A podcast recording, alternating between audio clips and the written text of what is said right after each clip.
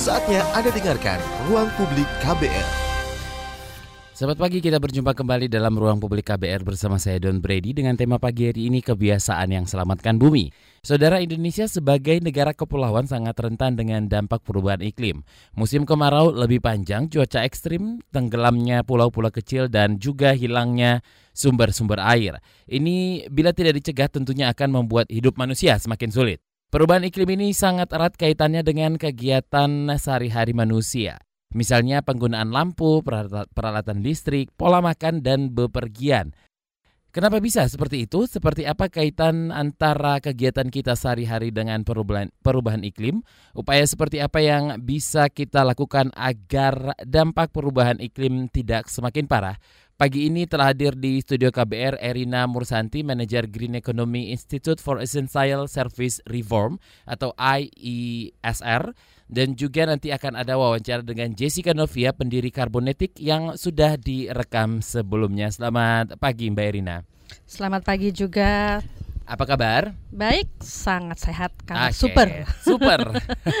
Pagi ini kita bakal ngobrol soal kebiasaan yang selamatkan bumi, ya kan? Nah, di daerah pesisir pulau-pulau kecil itu mulai tenggelam dan nelayannya harus mencari ikan lebih jauh di pedesaan dan pegunungan termasuk perkotaan masyarakat uh, merasakan musim kemarau lebih panjang dan lebih panas sepertinya ya. Cuaca ekstrim dan hilangnya sumber-sumber air. Ini ada kaitannya dengan perubahan iklim. Secara sederhana, apa itu perubahan iklim? Secara sederhana. Kesannya mm. sulit sekali ya Mas ya mm. buat memahami perubahan iklim. Kalau perubahan iklim mungkin ya perubahan cuaca paling seperti itu. Ini bukan hanya sekedar perubahan bukan, cuaca kan. Betul, ya. betul. Memang uh, perubahan iklim itu tapi kalau mau didefinisikan memang sebenarnya arti harfiahnya ya perubahan iklim. Mm. Tapi kita harus melihat secara statistik dalam satu dekade. Jadi ah. kalau dalam satu, satu, satu dekade 10 tahun lebih secara statistik baru bisa kita benar-benar menilai itu ada uh, benar-benar perubahan iklim. Mm -hmm. Tapi memang uh, indikasi-indikasi ke arah perubahan iklim, dampak-dampak dari perubahan iklim itu sudah bisa kita rasakan dalam kehidupan sehari-hari sejak uh, beberapa tahun belakangan ini. Oke, okay. um, penyebabnya? Penyebab perubahan iklim itu jadi begini, uh, perubahan iklim itu kan disebabkan dari uh, kenaikan jumlah emisi gas rumah kaca di atmosfer. Kenaikan emisi gas rumah kaca di atmosfer ini akibat kegiatan manusia itu sendiri. Jadi kalau misalnya dikaitkan dengan kehidupan sehari-hari tadi Mas bilang, uh, jadi segala kegiatan yang kita lakukan sehari-hari itu dampak dapat berdampak pada kenaikan jumlah emisi gas rumah kaca.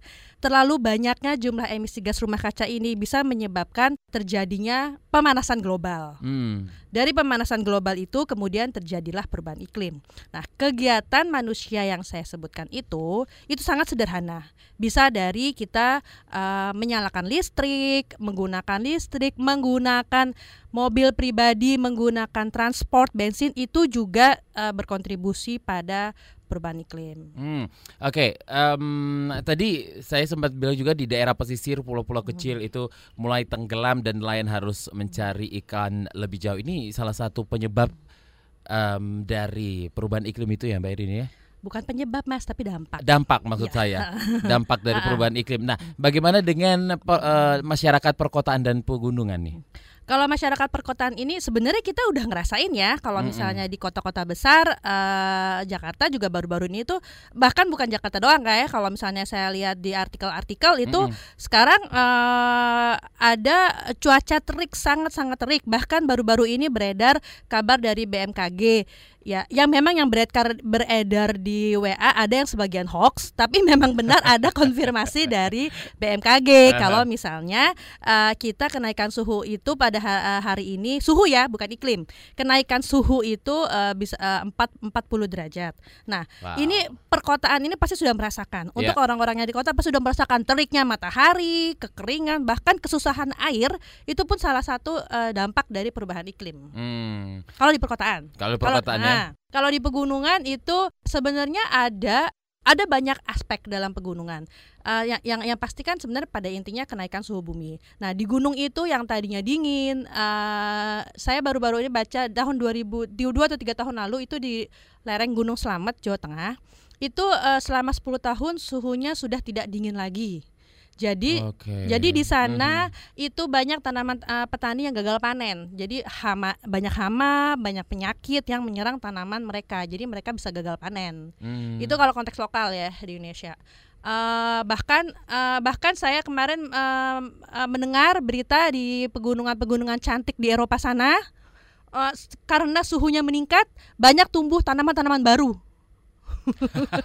Jadi tanaman-tanaman Oke. ini sebenarnya eh, sebenarnya tidak ada tapi karena kenaikan suhu di pegunungan sana jadi ada tanaman baru. Hmm. Nah, bahkan dampak eh, bahkan eh, contoh yang ekstrim nih dalam beberapa tahun ke depan kalau misalnya suhu selalu naik, eh, suhu bumi selalu naik, pemanasan global terus terjadi, lapisan-lapisan es di gunung di gunung di gunung eh, bisa mencair. Kayak di Pegunungan Jaya Wijaya kan Ya. kita kan katanya ada lapisan es ya di Jaya Wijaya, ada salju di Indonesia itu bisa itu bisa mencair kalau misalnya suhu bumi terus naik. Oke, tadi Mbak Erin juga sempat em, bilang kalau perubahan iklim ini dengan kegiatan manusia, kegiatan seperti apa sih sebenarnya sehari-hari ya kegiatannya itu lagi itu lagi berangkat kerja, pulang tidur.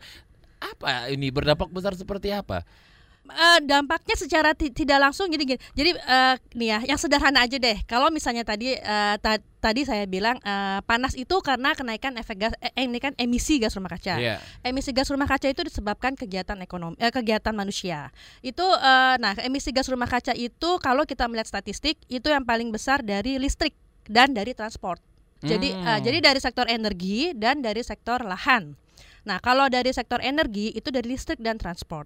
Listrik itu tandanya kita eh, kita kan pasti kita pakai listrik ya. Kita pakai listrik, kita juga pakai bensin, kita juga pakai apa pun. Nah, itu sebenarnya juga eh, salah satu juga itu berkontribusi pada perubahan iklim. Kalau tadi Mas bilang kita setiap hari berangkat kerja kantor, pulang, nah itu dia. Hmm. Kita berangkat kita berangkat kerja kantor pasti naik mobil Iya. atau naik motor. Iya. Ah, nah itu kan juga kita berkontribusi pada eh, emisi karbon yang kita keluarkan. Hmm, oke. Nah, perubahan iklim ini disebabkan juga oleh emisi gas rumah kaca yang sudah sempat kita uh, bahas sebelumnya juga, Mbak Hmm. Erina singgung juga, dan kegiatan sehari-hari seperti ya berangkat kerja, Iya. pulang tidur, gitu kan, Ke warung. ke warung. Ke warung sekarang orang naik motor, dikit-dikit ngeng. Padahal cuma berapa ratus meter iya, gitu ya. tapi Oke. orang nyari gampang. Itu menghasilkan emisi emisi Betul, karbon gitu ya. sekali. Dan ini bisa dihitung ya Mbak Erina ya. Ini bisa dijelaskan mengapa penting untuk menghitung emisi yang kita hasilkan yang disebut jejak karbon kita sebenarnya. Eh, penting tidak penting itu sebenarnya semua bermula dari kesadaran. Oke. Nah, kalau misalnya kita sadar, eh, kita sadar kita tidak ingin eh, kita tidak ingin membuat bumi semakin panas, di mana kalau bumi semakin panas itu nanti eh, tidak enak buat menjadi tempat tinggal buat kita dan anak cucu dan anak cucu kita. Nah, kenapa ki- kita penting? Jadi ISR itu punya yang namanya jejak karbon. Eh, mungkin nanti bisa dilihat di website ISR. Mhm. Jadi eh, ISR ini me- ada jejak karbon yang sebagai contoh ya, saya ambil contoh nih.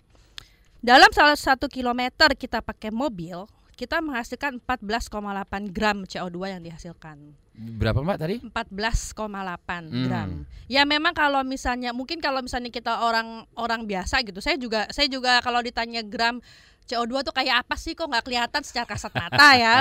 Tapi sebenarnya tuh Iya. kita berkontribusi gitu menghasilkan. Bahkan di, di bahkan di sini eh, di jejak karbon eh, karbon Hot Wheel kok Hot Wheel Hot Wheel mah mainan anak-anak. Hmm, Kalau carbon wheel itu nih misalnya kita pakai PC tablet.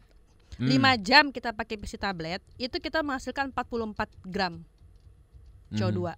Di sini eh, di yang ISR bikin ini ada standar, ada waktu menggunakan smartphone, kita juga menghasilkan CO2, menggunakan hair dryer. Karena kita- itu juga bisa dihitung berapa banyak karbon yang kita hasilkan. Hmm. Menggunakan air kemasan. Plastiknya Plastik ya. itu juga kita berkontribusi pada karbon. Hmm. Tapi kalau em, begitu kita harus maksimal menghasilkan karbon itu setiap hari ada hitungannya nggak sih? Mbak jadi, jadi penasaran gitu.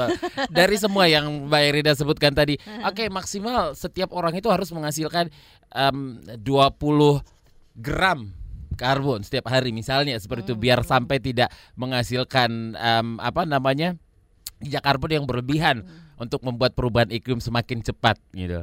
Ada nggak sih hitungan kalau nggak ada ya Jejak karbon ideal. Eh sebenarnya tidak ada kata ideal ya. nggak ada kata ideal tidak ya. kata ideal. Cuman eh, kita di tataran global itu Iya. Indonesia tuh udah berko- eh, sama hampir 200 negara lain itu udah menandatangani yang namanya Paris Agreement atau orang bisa se- sebut kesepakatan Paris atau persetujuan Paris. Hmm. Nah, di mana Indonesia itu ketika Indonesia menandatangani itu, Indonesia eh, berkomitmen akan eh, berkontribusi untuk membatasi kenaikan suhu maksimal 2 bah atau bahkan satu setengah derajat. Hmm. Nah, apa itu artinya satu setengah derajat? Tentu orang nanya ya, Mm-mm. apa itu dampaknya satu setengah atau dua derajat gitu. Nah, dampaknya itu ada banyak. Eh ISR akan mengeluarkan laporan akhir November ini namanya Brown to Green Report 2019. Nah, Oke. di situ dibedak isi, di di situ dikasih lihat eh, apa bed apa perbedaan antara dampak perubahan iklim kalau kita eh, kenaikan suhunya 3 derajat dan apa bedanya dengan satu setengah derajat. Nah di, di, di situ dituliskan. Nah juga selain itu eh, sebenarnya ada kayak cap apa batasan emisi em- emisi gitu mas. Jadi eh, dari dari salah satu laporan yang saya pernah baca laporan global itu dibilang kalau kita mau mencapai suhu satu setengah derajat itu eh, kita harus bisa menurunkan 25 sampai 30 gigaton CO2 per tahun. Hmm. Banyak ya? Banyak sih. Banyak, banyak Oke. sekali. Kalau dari tonnya banyak ya. Kalau Ah. 1,2 CO2 harus seberapa banyak itu agak agak ini sebenarnya terbayang-bayang Oh. pun mungkin kurang ya di badan pendengar Mungkin pakai bagaimana. kalkulator HP juga susah kali Nah. ya. Gigaton tuh nolnya berapa? 15. Dibagi tadi berapa gram? Iya. Dibagi populasi Indonesia. Itu susah juga Tapi menghitungnya. ISR punya kalkulator em, karbon nggak sih untuk menghitungnya ini? Punya kalkulator karbonnya. Eh, Gimana sih Mbak? Ceritain dong. Ah, kalkulator karbonnya ini jadi kita pertama identifikasi dulu kegiatan kita ngapain aja. Dari bangun Hmm. tidur kita hitung Ya, ya. ngapain aja nih begitu minum. Hmm. Nah, eh, kita kan pasti langsung minum atau mandi. Mandi lah, mandi. Oke, yang saya pasti. bangun tidur, eh, minum air putih, mandi. Iya, mandi. Oke. Nah, ketika mandi kita pasti pakai air dong. Betul. Pakai air. Aha. Nah, air ini bisa pakai eh, pump atau air tanah. Air tanah. Tapi kalau kita pakai pump itu juga pakai listrik kan. Ya. Kalau kita pakai air tanah, pompanya pakai apa? Masa listrik kita nimba juga. Listrik. Ah, juga. listrik juga. Nah, listrik itu ternyata itu berkontribusi pada emisi Hmm. yang tadi saya bilang, listrik. Nah, terus setelah kita mandi, pasti kita ma- makan nih. Makan. Sarapan ya. Sarapan lah. Mhm. Nah, makanan dari mana itu? Bukan tiba-tiba ada kan di meja. itu harus dimasak. Iya. Dimasaknya pakai apa? Kompor. Hmm. Kompornya bisa eh, kompornya eh kalau di perkotaan kita ngomong kompor gas. Kompor gas atau kompor listrik mungkin. Ya, kompor listrik. Mm, mm. Kalau kompor listrik balik lagi ke kompor listrik. Listrik itu mem- member- eh, berkontribusi pada emisi. Iya. Kalau pakai kompor gas tetap aja. Gas itu adalah bahan bakar fosil. Jadi sama kayak yang kalau tadi saya bilang pakai bensin. Jadi sebenarnya bensin, eh, gas itu sama aja dengan eh, itu semua adalah bahan bakar fosil. Bahan bakar fosil itu eh, jum- mengeluarkan jumlah emisi yang sangat besar. Hmm. Nah, itu baru sampai makan tuh masih pagi-pagi, ya kan? Habis itu kita beraktivitas, entah antar anak, entah sekolah, entah eh, kerja kan, Bawa kendaraan. bawa kendaraan, Hmm. Bukan sepeda lah ya saya omongin, Ya, bukan jalan mobil kaki ya, lah ya, Mobil, ya. atau motor, Motor, oke. ojek kan.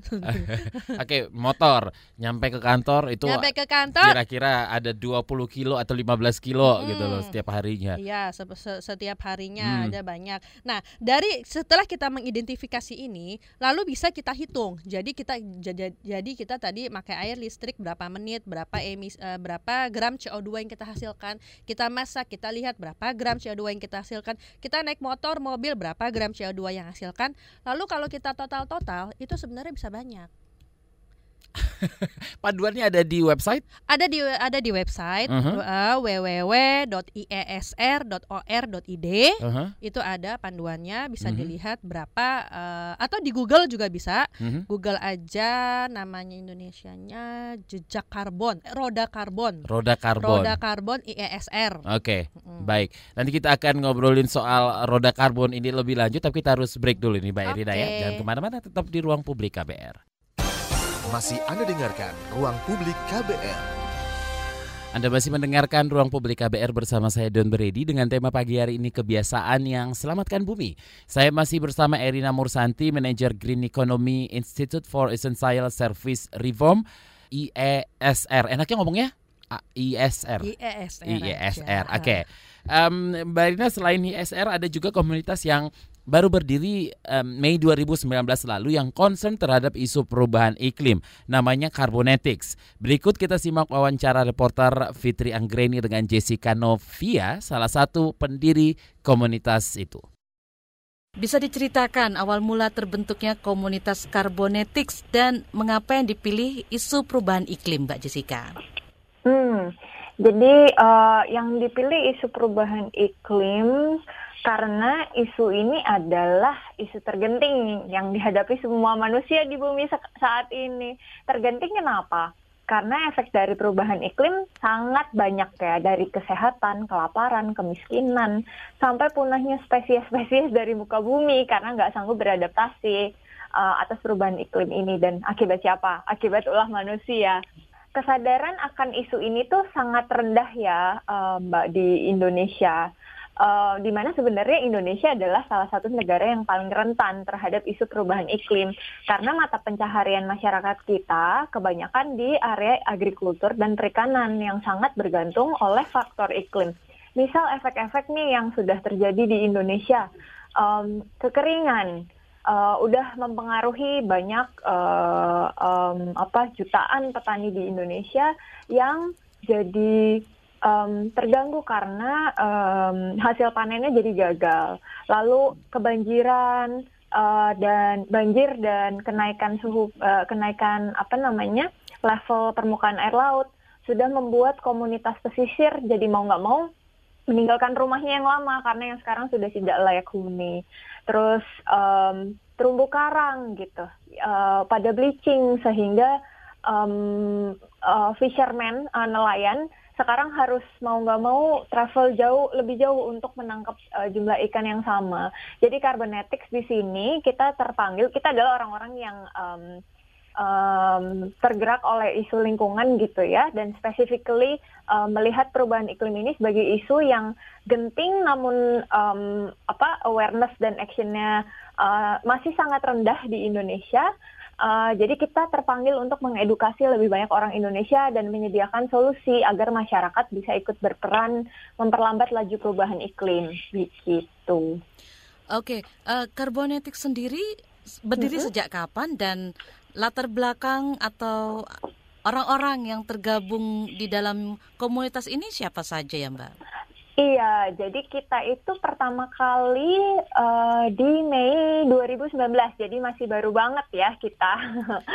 um, sekarang kita kebetulan sudah jadi yayasan nih Mbak, okay. karena mulai banyak diajak kerjasama oleh institusi-institusi besar dan agar lebih mudah kerjasamanya, jadi kami bikin legal. Jadi sekarang udah sudah jadi yayasan. Nah, kebetulan para pendirinya sekarang termasuk saya ya, sedang bekerja di perusahaan multinasional. Jadi kami itu sebenarnya aktivis yang kerja di korporasi dan kita merasa bahwa sebenarnya perusahaan-perusahaan itu punya power, punya resource untuk membuat um, perubahan uh, atas isu-isu yang dihadapi oleh dunia. Nah, salah satunya kalau kita otomatis fokusnya adalah perubahan iklim. Jadi kami berambisi membuat perusahaan tempat kami bekerja untuk menjadi carbon neutral. Jadi alias uh, karbon yang dihasilkan dari operasional perusahaan harus ditarik tarik kembali dari atmosfer atau yang disebut sebagai carbon offset. Jejak karbon ini bisa dihitung ya sebenarnya Mbak Jessica ya.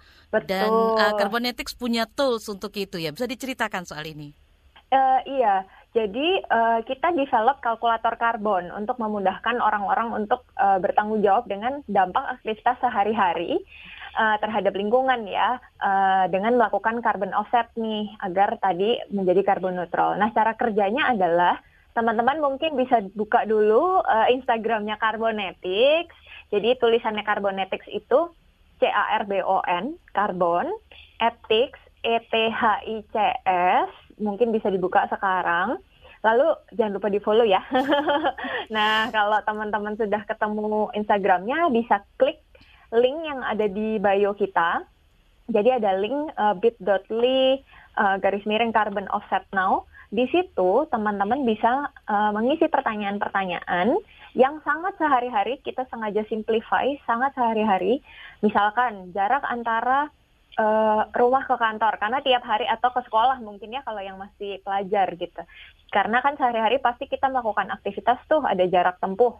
Uh, kendaraan apa yang dipakai sehari-hari? Setahun naik berapa kali pesawat? Makan berapa porsi sapi sehari-hari? Jadi yang yang sangat sehari-hari itu diisi uh, surveinya, lalu kita akan hitungkan jejak karbon teman-teman dalam satu tahun. Jadi bukan harian ya, tetapi per tahun begitu ya? Betul, langsung dikompilasi jadi satu tahun.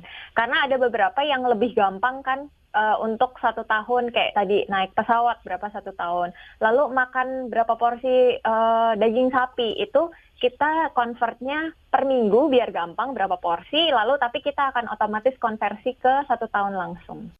Oke, itu tadi wawancara reporter Fitri Anggreni dengan Jessica Novia, salah satu pendiri komunitas Carbonetics.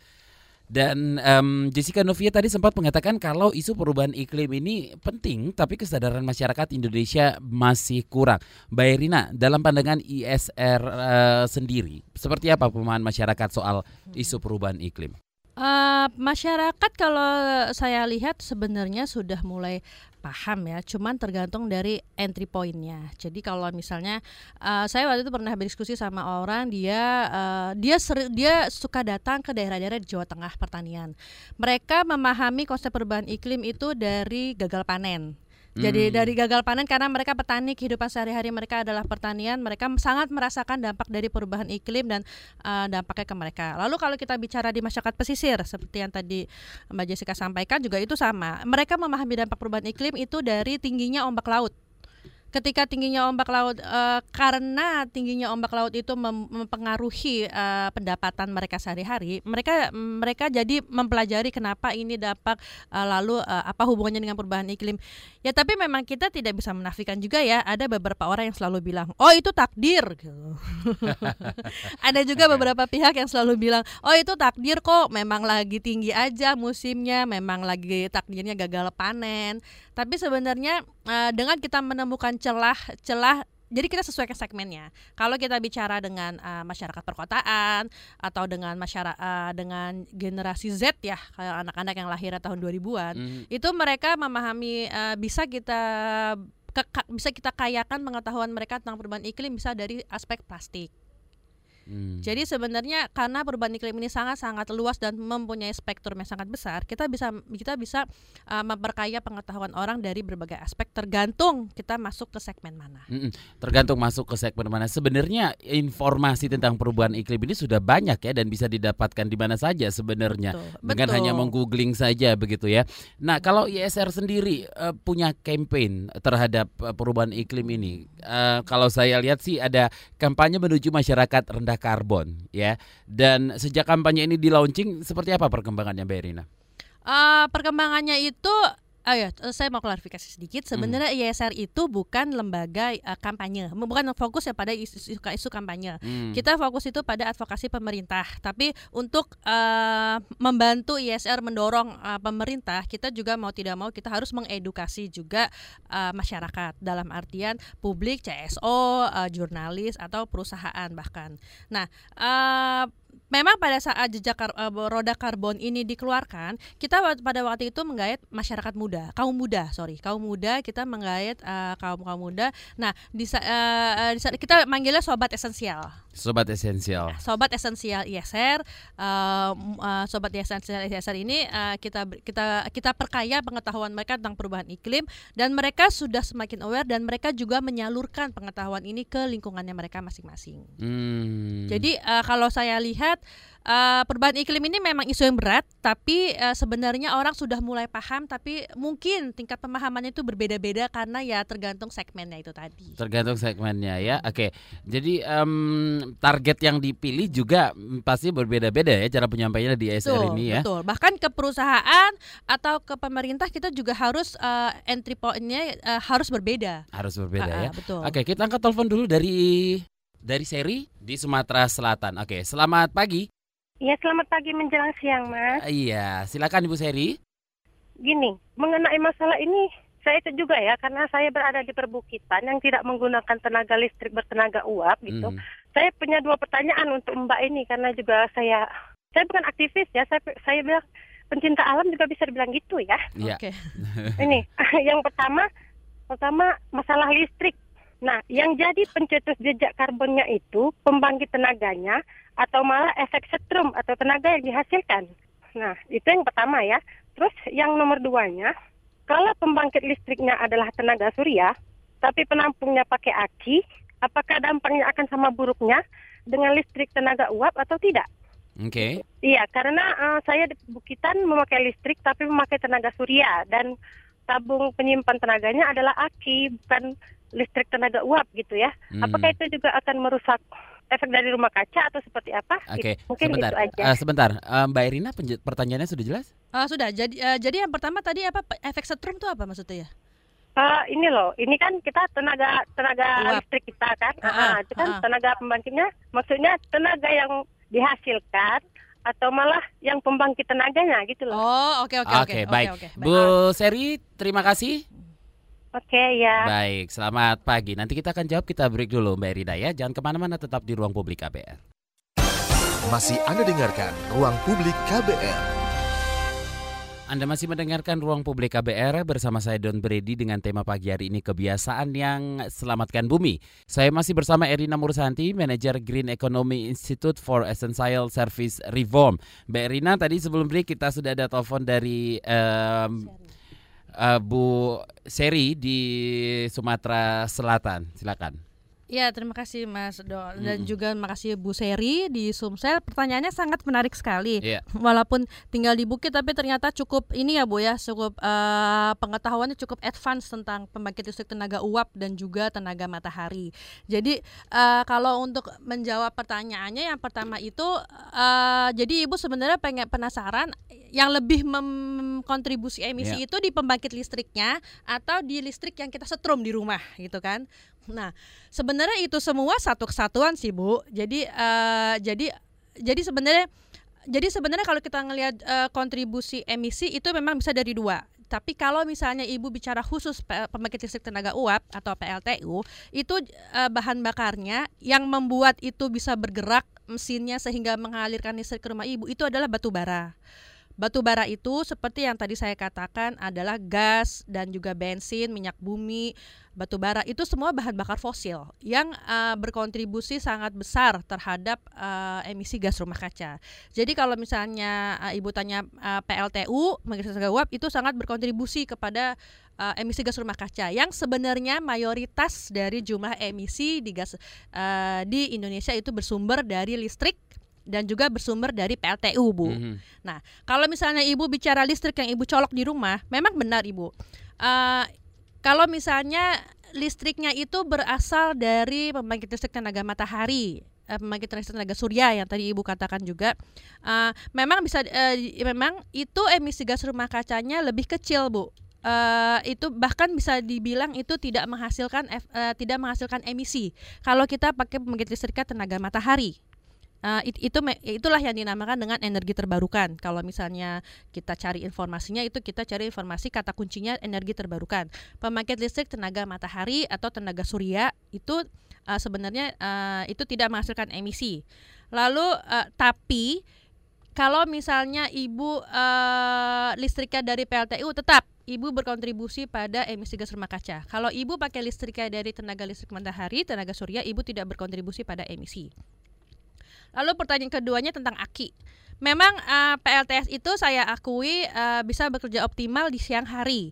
Kalau eh, ibu tidak punya baterai, it- itu memang dia tidak bisa dipakai di malam hari. Nah, untuk pakai baterai itu memang berasal dari aki. Nah, eh, it- itu memang pasangannya bu. Itu sangat eh, memang eh, PLTS itu bekerja baterainya dengan aki, bukan dengan PLTU. Jadi yang ibu lakukan itu sudah sudah benar dan sudah sempurna. Terima kasih atas kesadarannya ibu. Nah, kami Mhm. juga eh, memohon ibu untuk bisa mensosialisasikan ini ke tetangga-tetangga, Bu, untuk bisa eh, membantu memba- membantu menurunkan jejak karbon dengan menggunakan listrik tenaga matahari, tenaga surya dengan menggunakan aki baterai. Keren ya Mbak Eri. Bu, keren, Jaya. keren banget Bu Seri. Terima kasih kalau Ibu di sini saya kasih empat jempol. Mandempal. Oke, Em, Mbak Erina ngomongin soal pemerintah ya. Ya. Pemerintah sudah mulai membangun pembangkit listrik dengan sumber energi terbarukan seperti angin, air dan juga sampah dan juga meluncurkan program biodiesel nih.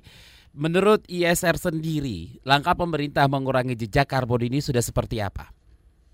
Langkah pemerintah mengurangi jejak karbon, saya saya apresiasi juga Hmm. pemerintah. Tentunya saya tidak selalu uh, tidak selalu bilang kalau pemerintah itu jelek. Saya mengapresiasi pemerintah. Pemerintah sudah melakukan be- beberapa hal yang tadi Mas sebutkan. Mhm. Uh, ada biodiesel, ada juga uh, pembangkit listrik tenaga surya. Itu juga yang tadi Ibu Seri katakan bisa bisa jadi juga juga bantuan dari pemerintah. Ya. Bisa jadi Bu Seri juga inisiatif sendiri. Nah itu terus ada juga uh, ada uh, beberapa hal lain yang sudah dilakukan. Ah, ada uh, penghentian izin penebangan hutan.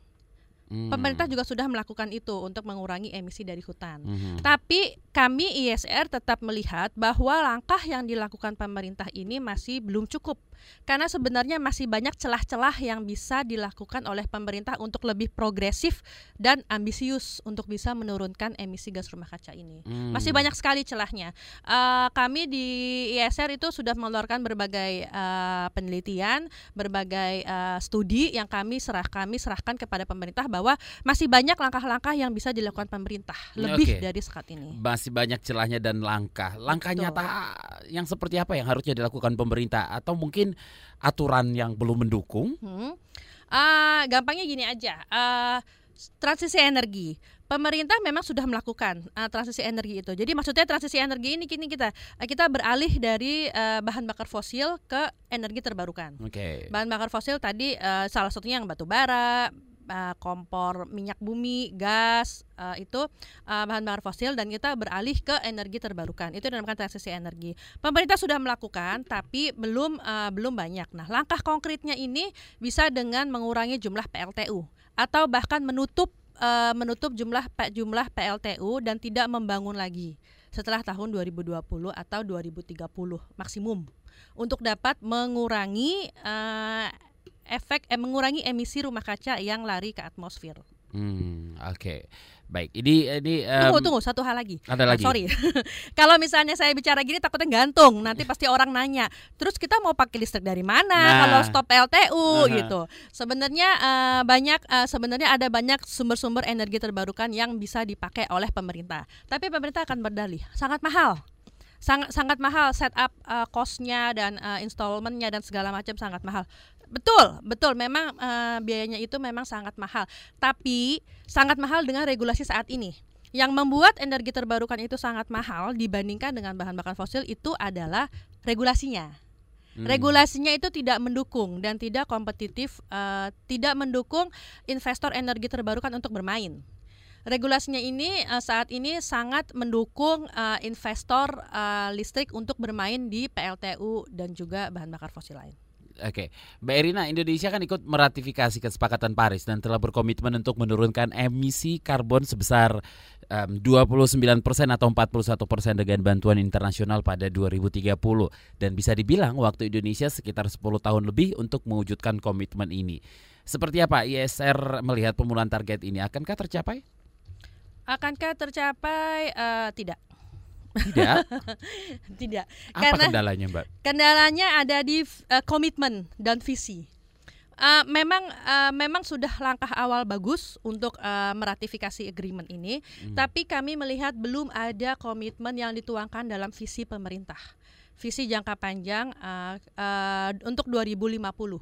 Karena konsekuensi dari Paris Agreement itu kita harus mencapai eh, perekonomian yang near emisi Hmm. pada tahun 2050. Jadi seharusnya pada eh, 2050 ini eh, sistem ke- ekonomi kita tidak menghasilkan emisi. Nah, ini belum tertuang dalam visi jangka panjang pemerintah. Eh, bahkan dalam RPJP kita itu juga yang eh, sampai 2045 itu juga eh, belum secara lugas menyatakan langkah-langkah konkret apa yang dibutuhkan. Itu dari komitmen belum terlihat, makanya saya bilang, eh, makanya kami bilang itu tidak akan tercapai. Dan Hmm. juga selain itu eh, kompleks ya.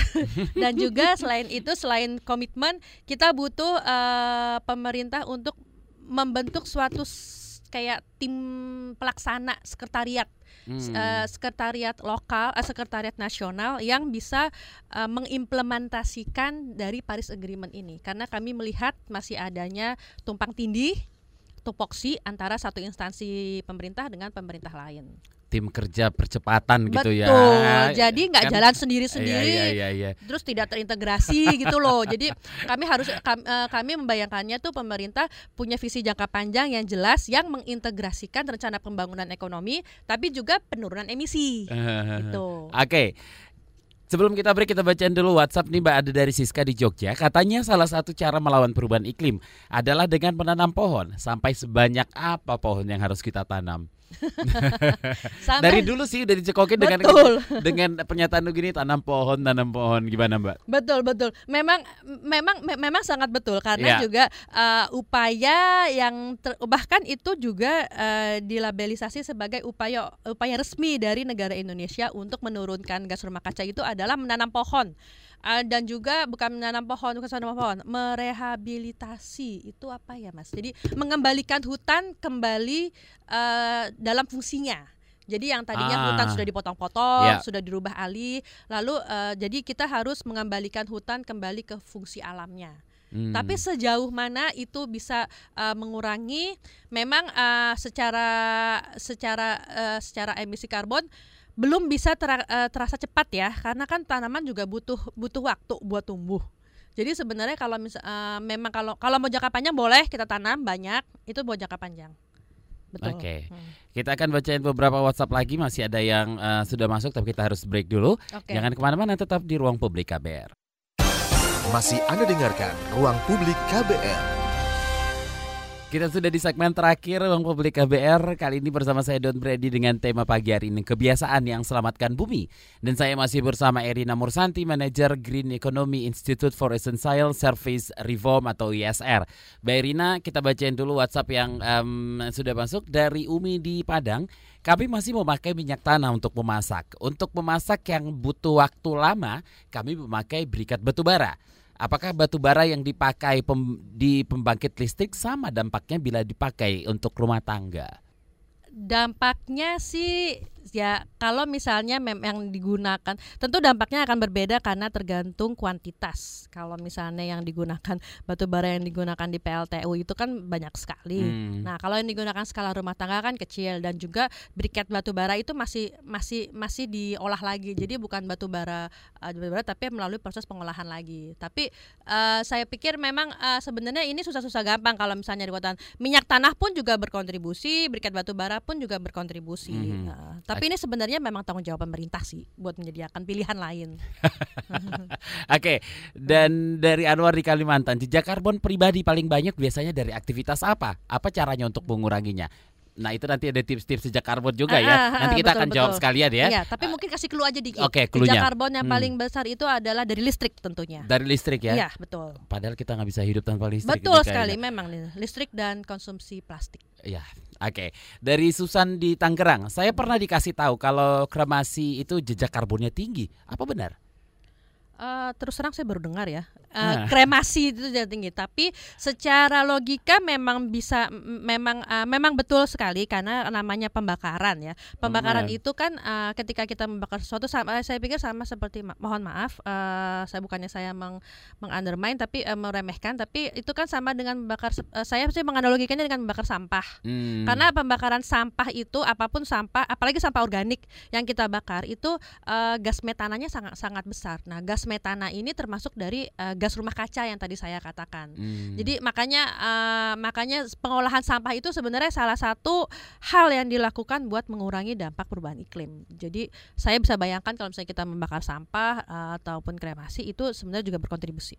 Oke, em, dari Maya di Manado, tiket murah penerbangan menurut saya ada sisi negatifnya. Makin banyak orang bepergian berwisata menginap di alam, gitu. Makin banyak orang menginap di alam. Iya. Maksudnya? Mu- mungkin glam camp, kan lagi musim juga Oh, glam camp sekarang. Hah? Ah, ah. Oh, betul ya, ya, ya.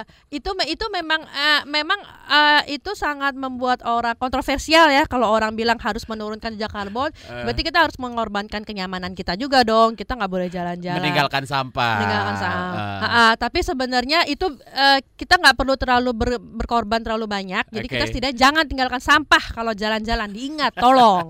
Oke, okay. nah kembali ke jejak karbon. Berikut ada tips mengurangi jejak karbon dari Jessica Novia, salah seorang pendidik Carbonetics.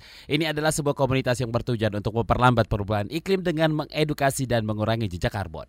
Apa tips-tips yang bisa dibagikan terutama untuk orang muda agar bisa mengurangi jejak karbonnya yang pada akhirnya akan mengurangi emisi gas rumah kacanya dan pada akhirnya akan um, bisa mengurangi dampak dari uh, perubahan iklim ini?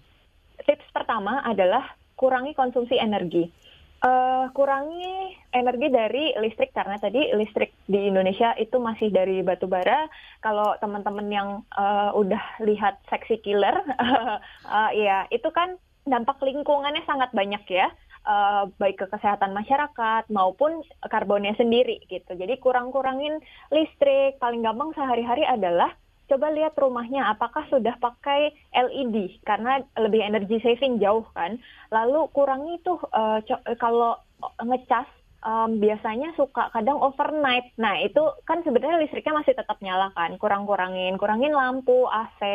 Kalau di uh, ah plastik sekarang orang juga tahu kan uh, impactnya plastik ke yang lain-lain ke makhluk hidup lain gitu um, sebenarnya itu juga menghasilkan karbon. Jadi semua yang single use itu dikurang-kurangin karena dari um, dari proses pembuatan pengambilan bahan baku lalu diproduksi lalu di deliver sampai ke tangan konsumen semuanya ini punya karbon menghasilkan jejak karbon gitu jadi kurangnya yang single use lalu yang kedua adalah makan dengan bijak uh, mungkin saya nyebutnya gitu okay. ya Apa itu? kenapa sih Nah, kenapa sih? Mungkin apakah teman-teman atau Mbak Fitri sendiri uh, uh, dengar tentang uh, kebakaran Amazon, hutan Amazon kemarin?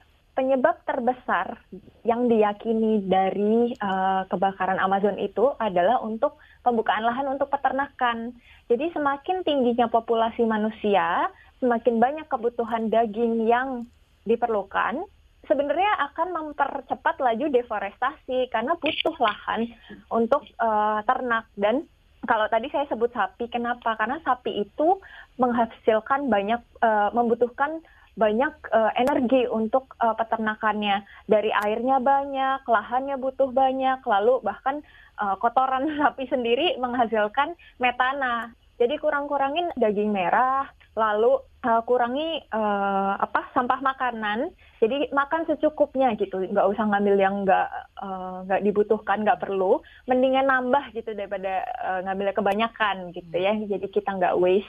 Uh, lalu beli makanan yang um, uh, apa namanya lokal jangan impor. Karena banyak kan sekarang tuh wah enak-enak Australian beef Australian lamb uh, apa salmon gitu uh, yang impor-impor nih padahal kalau impor kan harus di deliver um, ada transportasi ada karbon yang dihasilkan dari uh, transportasi nah nomor tiga itu adalah kurangi yang kita bisa, lalu offset yang kita tidak bisa. Nah, ini yang uh, terkait sama kalkulator. Jadi, uh, setelah teman-teman ngisi uh, apa namanya kalkulator tadi, kita akan hitungkan jumlah karbon dioksidanya tuh berapa. Karbon dioksida ekuivalennya berapa. Dari jumlah karbon dioksida ekuivalen itu, kita akan mengkonvert ke jumlah um, berapa jumlah pohon yang teman-teman perlu tanam agar menjadi karbon neutral. Mungkin pertama, kenapa sih uh, pohon? Uh, singkatnya adalah saat pohon fotosintesa, pohon menyerap karbon dioksida. Karbonnya, C-nya, jadi batang pohon, oksigennya, O2-nya, dirilis ke atmosfer lagi. Jadi, uh, menanam pohon adalah cara yang paling murah dan sustainable agar menjadi karbon neutral. Gitu. Nah, teman-teman uh, bisa tanam sendiri setelah kita uh, kasih tahu karbon dioksidanya berapa, berapa jumlah pohon yang perlu ditanam, atau transfer ke tim Carbonetics untuk kita salurkan ke petani-petani kita. Jadi penanaman utama kami adalah penanaman mangrove karena mangrove dapat menyerap karbon 2 sampai 10 kali lipat nih, Mbak. Hmm. Lebih banyak dari rata-rata pohon di darat karena mangrove itu menyimpan karbon di atas dan di bawah air. Jadi semoga teman-teman pendengar bisa tergerak untuk uh, mengurangi emisi karbonnya sehari-hari dan ikut mensupport misi kami ya uh, untuk um, apa namanya uh, menjadi karbon neutral dengan offset lah karbon-karbon yang dihasilkan uh, sehari-hari begitu. Informasinya bisa didapat di Instagram Carbonetics ya Mbak ya untuk informasi Betul. semua ini. Oke, Mbak Erina, ada tambahan terkait pengurangan jejak karbon yang bisa dilakukan masyarakat atau mungkin perusahaan? Tambahannya jadi ini sebenarnya jadi pada intinya yang kita, yang kita bisa lakukan dalam kehidupan sehari-hari itu adalah kita harus um, uh, melakukan efisiensi energi. Kita gunakan peralatan elektronik yang rendah uh, wattnya uh, dan juga kita beralih ke energi terbarukan uh, kalau misalnya bersedia investasi lebih, ada dana lebih, bisa menggunakan panel tenaga surya atau uh, peralatan elektroniknya yang wattnya lebih rendah karena biasanya yang lebih rendah itu memang lebih mahal ya. Mm-hmm. Hal ini berlaku untuk masyarakat dan juga untuk perusahaan karena kalau di perusahaan atau pabrik mereka bisa mengganti teknologinya dengan yang lebih efisien dan lebih murah uh, energinya lebih rendah. Oke, terakhir Mbak, mungkin uh, singkat saja pesan untuk masyarakat terkait jejak karbon untuk masyarakat uh, uh, uh, di, tolong direnungkan ada berapa planet yang bisa kita hidupi di dunia ini dan juga kita harus meninggalkan uh, planet itu untuk anak cucu jadi uh, mulailah untuk meminimalisir uh, jejak karbon yang kita tinggalkan meminimalisir ya bukan merubah gaya hidup karena saya juga secara pribadi tidak mau merusak kenyamanan saya tapi mm -hmm. saya melakukan hal-hal yang bisa meminimalisir jejak karbon. Oke, okay. Erina Mursanti, Manager Green Economy Institute for Essential Service Reform ISR. Terima kasih Mbak Rina atas Sama-sama. waktunya. Nanti kita ngobrol lagi soal perubahan ya. iklim ya. Oke. Oke, saya dari pamit salam. Baru saja Anda dengarkan Ruang Publik KBR.